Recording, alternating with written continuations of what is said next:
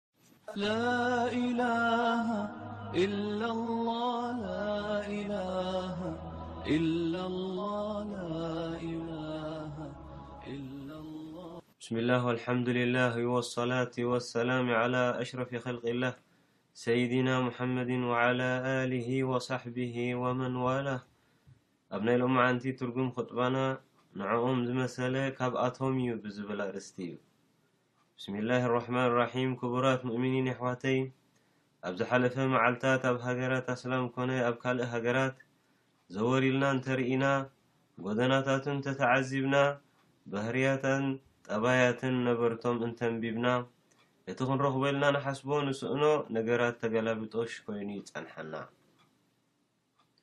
ክግበር ዝቐነየ ምድላዋት ሓድሽ ዓመትን መዓልቲ ልደትን ይመጽእ ኣሎ ተባሂሉ ዝነበረ ሸበድበድን ምድላዋትን ማእለያ ኣይነበሮን። ነቲ ጽሩይን ቁንዕን እስላማዊ ትምህርቲ ዘንጊዖም ነቶም ካልኦት ክመስሉ ክህቅኑን ክጽዕሩን ክትርኢ እንከለኻ ትሓዝን። ፍየሪታት ተሸይጡ፣ ሸቃጦ ኣሎ ዝበሃል ናይ ህያባት ንብረት ብዝኸበረ ዋጋታት ኣብ ዕዳጋ ኣውሪዶም ክሸጡን ክልውጡን ቀንዮም።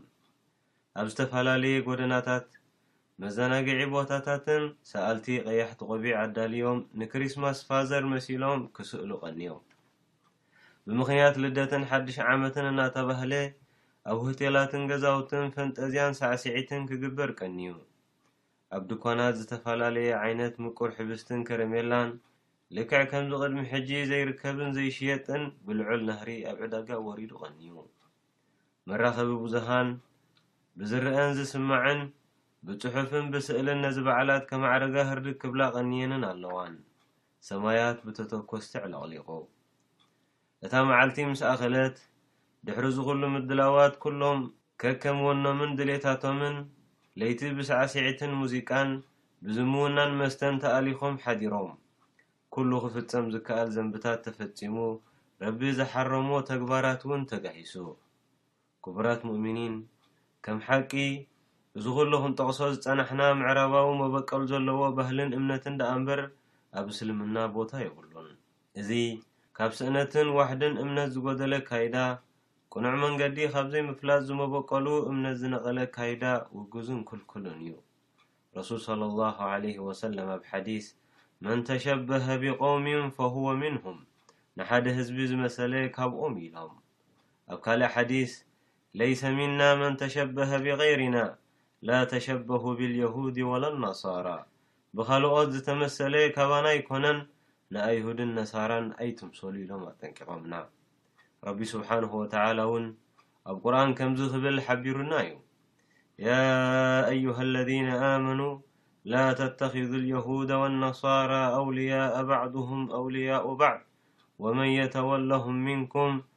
ፈኢነሁ ምንሁም ኢነላሃ ላ የህዲል ቀውመ ዛሊሚን ሙስልሚን ንዓኣቶም እንተድኣ መሲሎም ኣንቆልቂሎም ወይ ድማ ትሒቶም ኣለዉ ማለት እዩ ምኽንያቱ በቲ ረቢ ዝመረጸልና እምነት እስልምና ልዑላትን ብሉጻትን ጌሩና እዩ እዚ ድማ በቲ ንሓደ ኣላህ እንተዘይኮይኑ ንኻልእ ስለ ዘይነምልኽን ዘይንግዛእን፣ ንሱ ዝፈቐደልና ስለ ነተግብር፣ ንሱ ዝኸልከለና ድማ ስለ ንኽልከልን እዩ።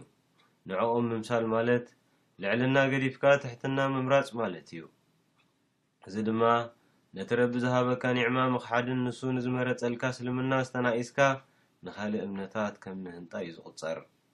ሓደ ግዜ ረሱል ሰለላሁ ዓለይሂ ወሰለም ናብ መዲና ምስ መጹ፣ ደቂ መዲና ዝጻወቱለን ዘብዕሉወንን ክልተ መዓልታት ከም ዘለዋ ምስ ፈለጡ ከምዚ ክብሉ ሓተቱዎም፣ እዘን ክልተ መዓልታት ናይ ምንታይ'የን? እቲ ቅብል ኣቢሎም፣ ካብ ግዜ ጃሂልያ ኣትሒዝና ንጻወተለን ዝነበርና መዓልታት'የን ክብሉ መለሱ። ሽዑ ረሱል ሰለላሁ ዓለይሂ ወሰለም ረቢ ሱብሓነሁ ወተዓላ ኣክንደኣን ብኽልተ ዓበይቲን ካብኣን ዝበለጻን መዓልታት ዒድ ተኪኢልኩም ኣሎ።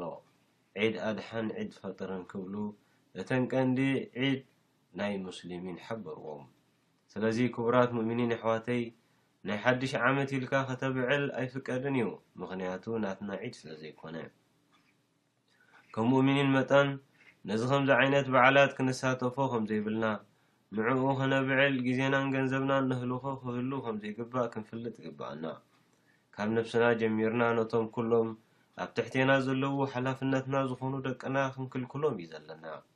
ከመይ ጌርና ንቕበሎ ንሕና ብኾፍና ደቅና ናይ ሓድሽ ዓመት ኢሎም ገዝኦም ክሸላልሙን ንክሪስማስ ክዳለዉን ከለዉ። ብዙሓት ወለዲ ኣለዉ፣ ምስኣቶም ኰይኖም የዳልዉሎምን ይሕግዝዎምን፣ ጠለባቶም የማልኡሎም፣ ነቲ መዓልቲ ዝኸውን ነገራት የማቻቹሎም። ዘመድ ኣዝማድ ዓዲሞም ውራይና ኢሎም ይተሓሓዝዎ። እዚ ተግባር እዚ ዋላሂ እስላማዊ መንነትካ ምርሳዕ፣ መን ምዃንካ ዘይምፍላጥ፣ በቲ ረቢ ዝመረጸልካን ዝሓረየልካን ዘይምኹራዕን ብቐሊሉ ብናይ ካልኦት ትጽሎ ድኹም ምዃንካ ዘርእይን'ዩ።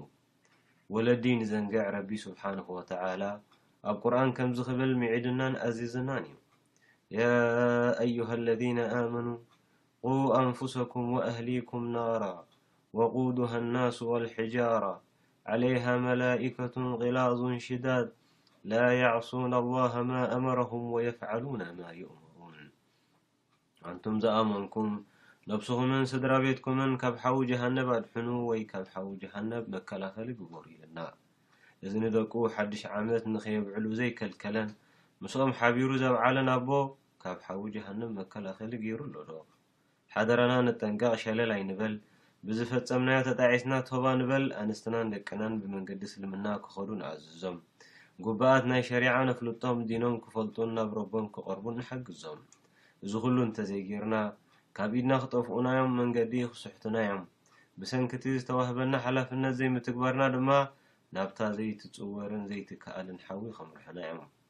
ኣዕሚቕካ ካብ ዘይምሕሳብን ቁርኣን ብግቡእ ካብ ዘይምፍላጥን እዩ'ምበር፣ ትምኒትን ባህግን ናይ'ቶም ዝኸሓዱ መንገድና ክንስሕትን ንዖም ክንመስልን ከም ዝደልዩና ረቢ ስብሓነሁ ወተዓላ ረቢ ከምዚ ክብል ኣብ ቁርኣን የቃልዖም ወደ ከሲሩ ምን ኣህሊል ኪታብ ለው የርዱነኩም ምን ባዕዲ ኢማኒኩም ኩፋራን ሓሰደን ምን ዕንዲ ኣንፉሲኩም እዚ እናፈለጠ ሓደ ኣስላማይ ከመይ ገይሩ ንዕኦም ክሕጉስ ሙጃመላ ወይ ቀልዓለም ይገብር ከመይ ገይሩ ዲኑ ፀቒጡ ንናይ ካልኦት ዲን የማዕርግን የዳምቕን በሉ ክንፈልጥ ከምቲ ረቢ ዝበለና ንሳቶም ከምቲ ንሶም ዝኸሐድዎ ንሕናውን ክንክሕድ እዩ ትምኒቶም ንስማዕን ነስተንትንን ወዱ ለው ተክፍሩነ ከማ ከፈሩ ፈተኩኑ ሰዋ ከምቲ ዝኸሐድዎ እንተትኽሕዱ ደስ ይብሎም ምእንቲ ሐደ ክትኮኑ ይብለና ኣሎ።